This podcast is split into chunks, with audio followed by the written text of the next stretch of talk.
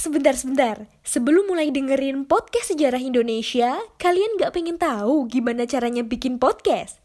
Yakin? Gak susah kok. Coba deh download Anchor Podcast. 100% mudah, 100% gratis. G30S Gerakan 30 Sep Eh, bukan. G30S, Gaung 30 September Podcast Sejarah Indonesia Dimulai dari hari ini sampai 30 hari ke depan Kalian bakal dengerin episode spesial dari kami Penasaran kan? Pokoknya dengerin deh Podcast Sejarah Indonesia Dalam G30S adalah Udah, Gini mas, perlu saya luruskan. Kalau di Kudus itu bukannya nggak boleh makan sapi. Boleh. Boleh saja. Yang nggak boleh itu menyembelih. Assalamualaikum warahmatullahi wabarakatuh. Kembali lagi bersama saya Taufik Harman Aldila di podcast Sejarah Indonesia. Kesempatan kali ini saya nggak sendirian. Aku langsung guyu. Mergo ini koncoku dewe, ini temenku sendiri gitu kan. Dan kali ini kalian akan mendengarkan mungkin bahasanya agak campuran. Ya maklum saja karena podcast Sejarah Indonesia itu basisnya di Semarang di Jawa Tengah. Jadi ya kami kayak gini gitu kan. Dan kali ini saya nggak sendirian ada Mas Andre. Andre. Halo Mas Taufik, Ya. apa kabar? Sehat Mas. Alhamdulillah sehat. Mohon maaf, ini mic-nya udah colokin mas. Udah mas. Guys, eh teman-teman sobat masa lalu gini. Kita ini beneran udah nyoba berapa kali sama Mas Andre tuh ya ini. Yang terakhir adalah ternyata mikrofonnya tidak dicolokkan. Udah ngomong lama-lama panjang lebar, mic-nya mati guys.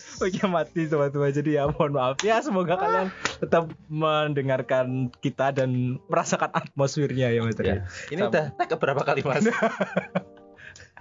paling banyak nih padahal, padahal cuma obrolan biasa kita harus take berkali-kali itu benar kan nggak enak gitu ya. tapi tetap tetap enak lah tetap enjoy Iya. kalau sama Mas Andri mah kayak gitu dong Eh, aman ya? aman aman, oke, lanjut. tetap, tetap aman gitu Oke. yang nggak aman gajinya nggak iya iya iya Eh, nggak apa-apa lah, ulangi lagi. Mas Andre adalah orang eh, orang apa ya? Orang terkenal di Kudus.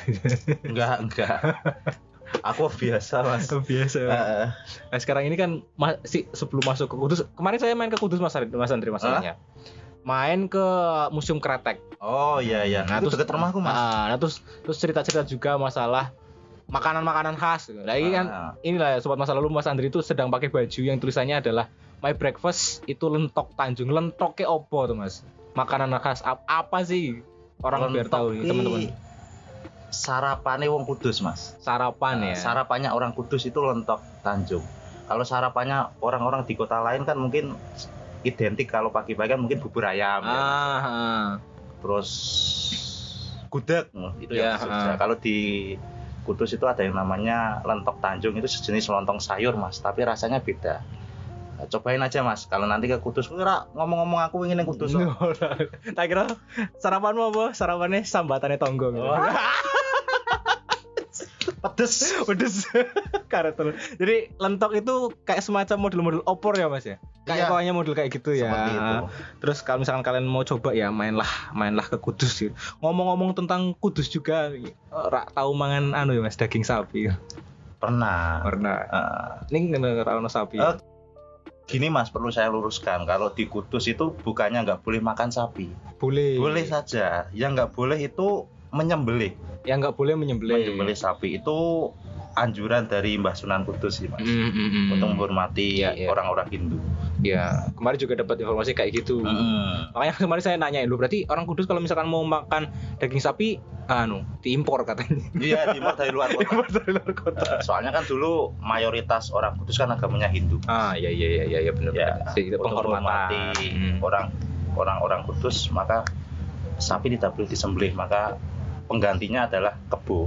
Kebo. Eh, maka dari itu kuliner di Kudus itu identik dengan kerbau. ya Kebanyakan. soto kerbau ya. Soto kerbau, Ah iya iya iya. sate iya. kerbau, gulai kerbau. Sobat masa lalu kalian kalau ke Kudus juga harus nyobain sotonya. Uh enak Nah. nah. tenan. Haruslah pokoknya. Saya masih kita mana apa tuh mas? Ya nggak apa-apa kok.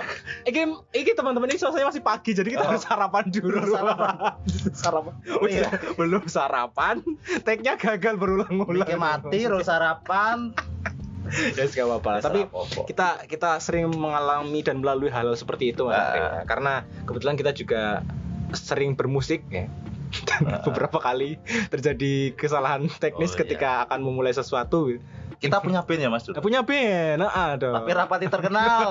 oh rapopo rapati apa-apa. terkenal yang penting berkarya Yang penting pede ya, Ah, yang penting pede dan berkarya ya walaupun bagaimanapun gitu kan sekarang bandnya sudah berubah ya dan menjadi band keluarga band keluarga. Mas Luis berkeluarga Mas Andre Ya.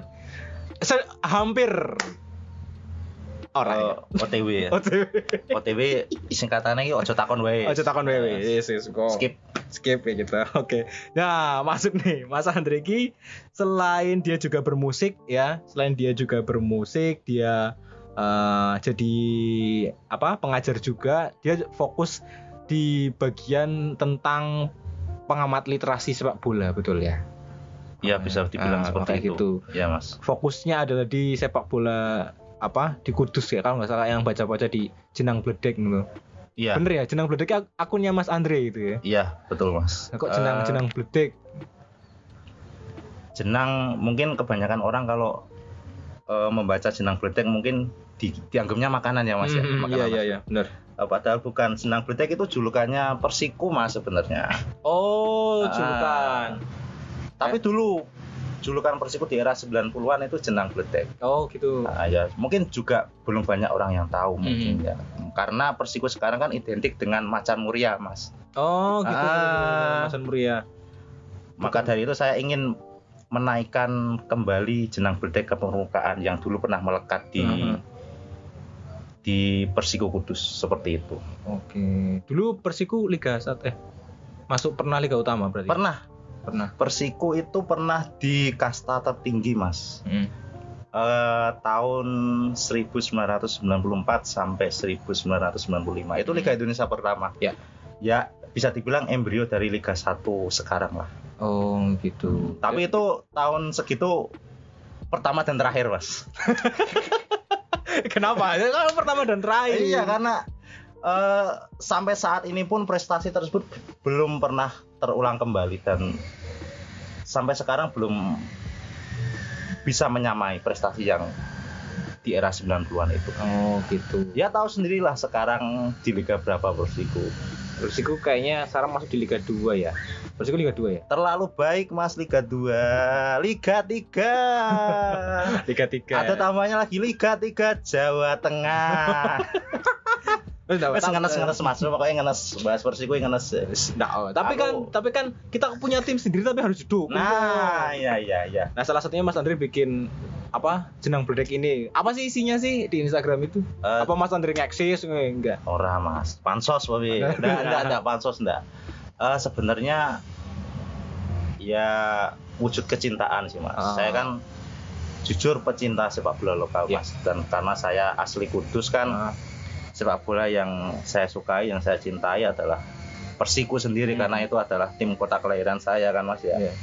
Eh, Jenang Bledek itu sebenarnya iseng mas awalnya karena ah. dulu ketika saya kuliah di sejarah itu ambil skripsinya itu tentang sejarah sepak bola. Ya, Eh, ini teman-teman yang menarik. Jadi Mas Andre itu ibaratnya cara wong sing istiqomah banget di jalur sepak bola.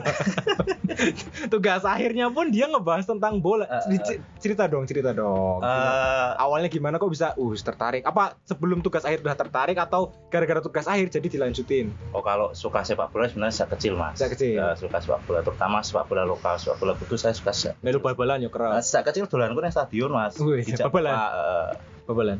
Nonton nonton Oh, nonton. Persiku eh, dari ya dari kecinta cinta cinta itu terus akhirnya saya kuliah Hmm. jurusannya kebetulan jurusan sejarah terus pada saat masa-masa skripsi itu saya sempat bimbang mau ambil topik apa kan mas ya Wah. kebanyakan kalau di jurusan sejarah kan temanya mungkin sejarah politik ya kan Hmm. mas sejarah kolonial sejarah infrastruktur atau ya sejarah-sejarah yang mainstream lainnya ya, Yap. Mas. Mm-mm.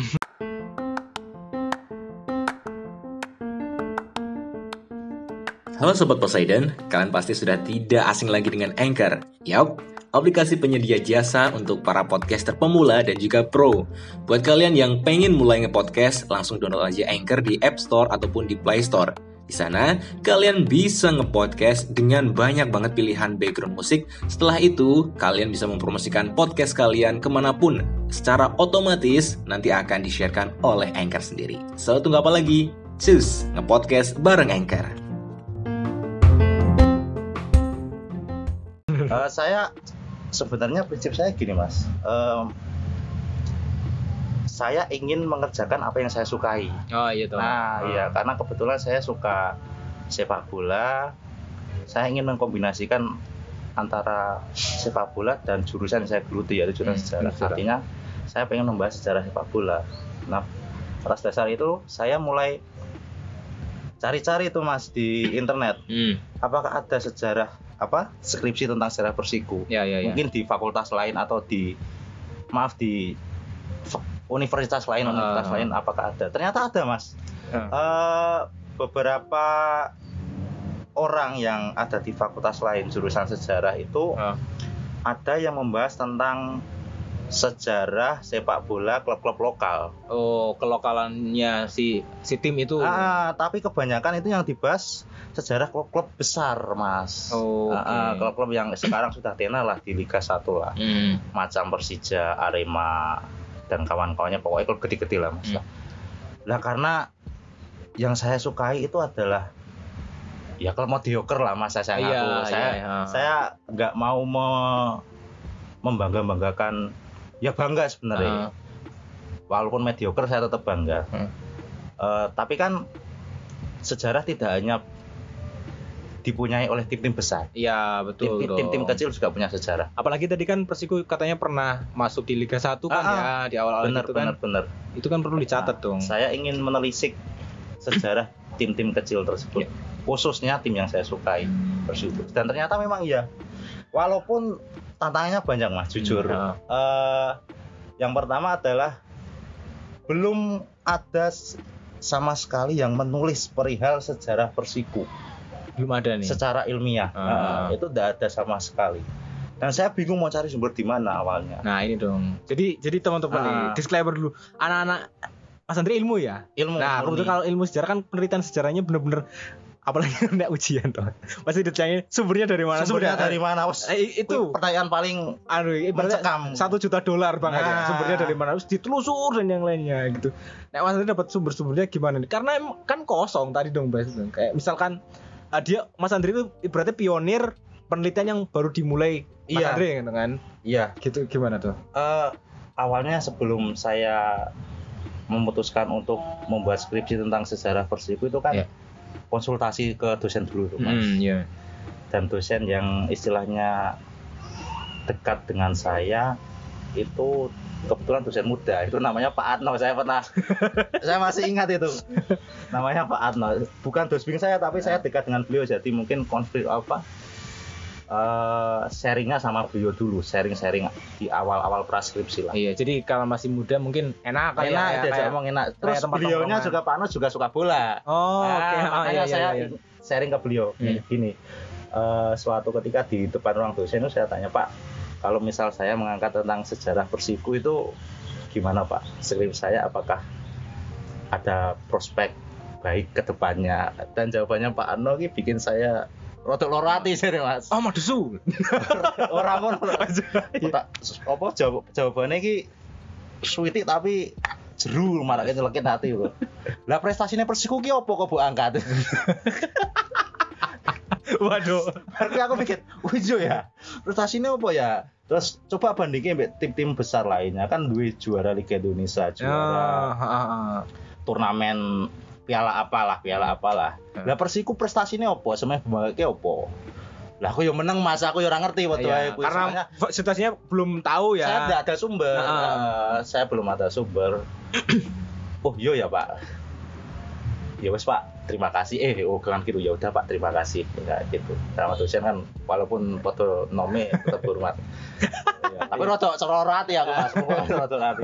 Terus aku merenung, merenung, merenung. terus membuktikan dong Iya. Pengen membuktikan Eh, saya ingat kalau di Semarang itu ada yang namanya Depo Arsip Suara Merdeka Mas dulu Ah. waktu mata kuliah apa ya jurnalistik atau apa ya saya eh, pernah jurnalistik ada ah, saya pernah ada tugas untuk meneliti arsip di situ eh, saya coba ke sana kembali untuk mencari arsip-arsip tentang Persiku dan menurut saja mas eh, berdasarkan cerita dari bapak saya kan katanya Persiku pernah di kasta tertinggi coba Hmm. saya telusuri via arsip mas bukan via omong saja kalau dari Hmm. bapak kan mau cerita saja nggak ada bukti. Lisan ya, apa yang Ah, dibuktikan lisan. ya. saya ingin membuktikan secara tertulis berangkatlah saya ke tipe arsip suara merdeka dan ternyata saya buka buka buka buka arsip-arsip tahun 90-an khususnya 94 ternyata benar Persiku pernah di kasta tertinggi Hmm. eh, di namanya Liga Danhil dulu namanya karena sponsornya Danhil Hmm. Rokok ya. Eh, eh, Persiku promosi itu tahun 93 Hmm. dan 94 itu otomatis di kasta tertinggi eh kah 93 itu kasta kedua mas Kasta keduanya. Ah, lalu promosi ke tahun berikutnya Hmm. tahun 94 itu di kasta tertinggi oh ternyata benar dan prestasinya pun nggak jelek-jelek amat untuk sekelas tim mediocre Persiku Ya. ya kan tiap tim tiap tim kan eh, standar prestasinya kan berbeda mas Ya. ah. kalau mungkin katakanlah Persija kan standar prestasinya tolak ukurnya mungkin juara liga Hmm. atau ikut AFC Cup itu pun dengan Arema pun seperti itu. Kalau Persiku kan standarnya kalau diukur seperti Persija mungkin ikut AFC Cup kan kedua Ah, mas. Nah iya, iya, kejauhan. Nah, jadi maka ya. dari itu saya berpikir ternyata tiap tim itu standar prestasinya itu berbeda. Eh, Di Persiku? kalau di Persiku mungkin saya bisa menyimpulkan bahwa sekedar ikut kasta tertinggi saja masyarakat Kudus begitu bangga mas. Itu hanya sekedar berpartisipasi di kasta tertinggi bukan juara ya Iya. Mas. Itu masyarakat Kudus itu tahun segitu udah bangga sekali apalagi prestasi tersebut itu belum bisa terulang bahkan sampai sekarang Oke. Ah. tahun 94 95 itu Persikut di kasta tertinggi dan hanya satu tahun saja Jadi cuma satu musim. Ya? satu musim saja Eh, tapi prestasinya nggak jelek-jelek amat Eh, Persiku kalau tidak salah berada di papan tengah Hmm. papan tengah klasemen wilayah barat itu bahkan di atas tim-tim besar mas di atas Persija di atas Persija tim warna agung dan Iya. lain-lain ya nggak jelek-jelek amat lah dan Persiku terdegradasi pun bukan karena di papan bawah bukan karena berada di zona merah tapi Oh karena tuh? ada faktor masalah internal lah saat itu Oh. Eh, rumit sebenarnya mas Eh, tapi pada intinya adalah kesulitan finansial sebenarnya Oke oke oke. Jadi Ah. jadi kalau misalnya kita tahu kan kalau apa kalau sebuah liga gitu ya. Nah, mereka kan yang terdegradasi biasanya tim-tim papan bawah banget gitu ya. yang Tiga udah terbawah, tiga terbawah. Ya, eh, mereka Ah. terdegradasi. Nah, kalau ini kasusnya kenapa di tahun selanjutnya si Persiku ini nggak gabung lagi, nggak itu lagi juga karena masalah bukan karena degradasi itu bukan, ya. bukan karena di zona merah tapi karena Persiku mengundurkan diri karena alasan kesulitan finansial alasannya sebenarnya banyak eh apa alasan mengundurkan dirinya sebenarnya banyak Hmm. beberapa faktor tapi pada ininya adalah kesulitan finansial Hmm. eh cukup menarik sebenarnya mah karena Persiku kan asalnya dari Kudus. Kudus itu kan identik dengan kota rokok, Mas. Kota Kretek ya. Ah, itu ada sangkut pautnya dengan sponsor liga pada saat itu. Liga. Dan Hill dong tadi. Dan Hill. Eh, dan eh singkat cerita itu ternyata Hmm. Persiku yang selama ini didanai dari eh, perusahaan lokal, katakanlah Jarum lah. Iya. Kan Persiku identik dengan Jarum saya itu. Hmm. Mas. Eh, Di belakangnya Persiku kan ada PS Jarum, Hmm. ada perusahaan Jarum yang mensupport pemain, mensupport pelatih, Ya mensupport manajemennya lah, manajerialnya. ya. Ternyata setelah Persiku promosi, PSSI justru bekerja samanya dengan perusahaan rokok asing Hill itu. dengan Danhil sebagai sponsor utama. Otomatis tim-tim yang berpartisipasi di Liga Danhil dilarang untuk mencari sponsor kompetitor dari rokok Danhil tersebut. Oh, oke. Berarti karena Nah, kan. sponsor utamanya Iya, rokok, rokok. berarti tim-tim yang lainnya dia nggak boleh bawa sponsor yang dari rokok, rokok juga. juga. Jarum kan kompetitornya Danhil mas, Oh. secara tidak langsung lah. kan sama-sama perusahaan rokok kan. Oke oke oke oke. Nah mulai dari itulah lambat laun itu Jarum eh, mulai menarik diri dari Sponsorship lah manajemen sponsorship manajemen tadi. Hmm. seperti itu. Nah, lambat laun lambat laun sampai akhir musim alhamdulillah terlewati. Persiku berada di papan tengah Hmm. menjelang Liga Indonesia kedua. Hmm. Nah, itu masalahnya mulai muncul Mas rumit. Persiku masih punya hutang di kompetisi sebelumnya. Iya. Eh, belum ada support dari sponsor baru atau kucuran dana dari perusahaan-perusahaan yang ada di Kudus lah Iya. diperparah pula dengan tidak adanya APBD Oh. Eh, eh, APBD daerah saat itu belum bisa mensupport tim sepak bola lokal ya ada lah tapi nggak seberapa mas Iyalah pasti. Ah, ya. nggak seberapa tidak tidak mencukupi untuk satu musim lah Karena kita tahu juga kan mungkin tim-tim sepak bola kayak yang sekarang udah maju dan yang lainnya pun mereka dapat sponsor nggak dari nggak banyak dari APBD ataupun Ah. yang dana-dana daerah daerah Hmm. kan dia memang benar-benar nyari sponsorship yang memang benar-benar gede kan Iya, untuk kalau untuk- di kasta tertinggi sekarang tuh Hmm. emang role modelnya eh, benar-benar swastanisasi, Mas. Kalau Iya. dulu kan masih semi profesional, Iya. artinya kalau didapatkan dana dari APBD pun tidak menjadi persoalan Ya. seperti itu. Eh, yang jelas itu gini, Mas. Menurut saya itu kaget sebenarnya Persiku Hmm. itu.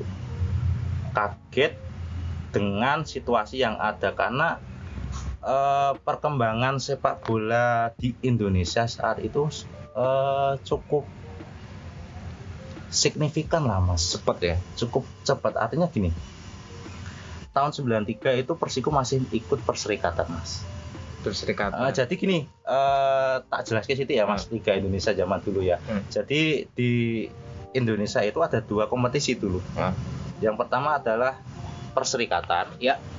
Liga Perserikatan itu liga sepak bola amatir Hmm, di iya, mana iya. tim-timnya diisi tim-tim tradisional, tim-tim plat merah, tim-tim yang dimiliki oleh kota-kota yang ada di Indonesia, kota atau kabupaten. Iya. Ya katakanlah kalau tim perserikatan ini gampang titilane mas, depannya P atau per, per Persiku, Persija, Persija Persib, PSIS nah PSIS, Hmm. nah itu tim-tim tim-tim dari Pemda semua, tim-tim dari Oh. pemerintah daerah. Nah kalau yang kedua adalah Galatama. Hmm. Galatama itu adalah liga sepak bola utama kepanjangannya. Ini tim-timnya itu di bawah kendali perusahaan. Oke. Ah, tim-tim yang milik milik perusahaan. Mm-mm. Artinya dari segi pengelolaan pun lebih profesional dari segi penggajian pemain, eh, kesejahteraan pemain pun lebih diperhatikan. Oh, karena dia Untuk swasta. Ah, ah. Kalau perserikatan itu ya atas dasar kebanggaan saja, Mas. Ah, ah. Pemain-pemain itu gajinya pun tidak diatur sedemikian rupa hanya dapat mungkin ya istilahnya apa ya Honorarium. Nah, semacam nganu lah, uang lelah lah mungkin. Oh, oke, oke. Tapi atas das- pemain itu tapi tetap bangga karena eh, perserikatan itu fanatisme ke daerahnya sangat tinggi. Hmm, iya iya iya, ya, paham paham paham. Paham ya, Mas, ya? Hmm. Jadi ada dua kompetisi, Galatama dan Perserikatan. Dan mereka berjalan beda-beda nih. Beda-beda, Mas. Enggak Nah, enggak satu liga kayak eh, sekarang. Persiku itu rananya di Perserikatan. Heeh. Dan 93 itu kan Persiku udah jadi runner up kompetisi Perserikatan eh, kasta kedua atau divisi 1. Hmm. Otomatis Persiku di kompetisi selanjutnya berhak menempati kasta tertinggi divisi Perserikatan. Oh, oh, oke, berarti naik Nah, kastanya. kasta di divisi Perserikatan. Tapi di tahun 1994 PSSI memutuskan menggabungkan dua kompetisi besar tersebut. Di Galatama dan Perserikatan digabungkan jadi satu. Oh. Namanya Liga Indonesia. Ya, Liga Indonesia Nah, benar benar. Embrio dari Liga 1 saat ini Yap. formatnya lah Mas.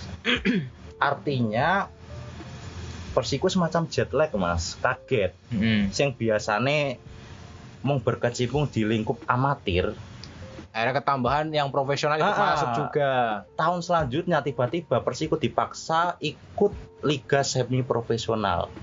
Bayangke Mas, Persiku biasanya iki uh ini paling numpak bis neng area Jawa Tengah wae. Iya iya iya iya iya. Pati ning Jeporo. Oh, Oke. Numpak bis tok Mas. Untuk musim selanjutnya kan promosi kasta tertinggi. Iya. Lawannya bukan hanya tim-tim lokal Jawa Tengah saja Mas. Udah antar provinsi. Antar provinsi, antar pulau juga. Nah, oke oke oke oke. Eh, lawannya Persiraja Banda Aceh, PSMS Medan, PS Hmm. Bengkulu, ke AW ke Jakarta, ya kan ke mana lagi ya? Jawa Timur dan yang lainnya. Iya, Nah. pokoknya nggak wis meluas lah mas. Ah. Otomatis karena biaya UW yang jauh itu kan biayanya besar mas. Iya, apalagi tadi kita lihat kan yang berserakan paling cuma dia dapat Ah, honor ah. dan yang kayak gitu tuh. Pokoknya intinya kaget. Yang sebelumnya hanya biaya operasionalnya mungkin kalau untuk UW tingkat Jawa Tengah Nah, mau numpak bis cukup lah mas lah. Terima kasih.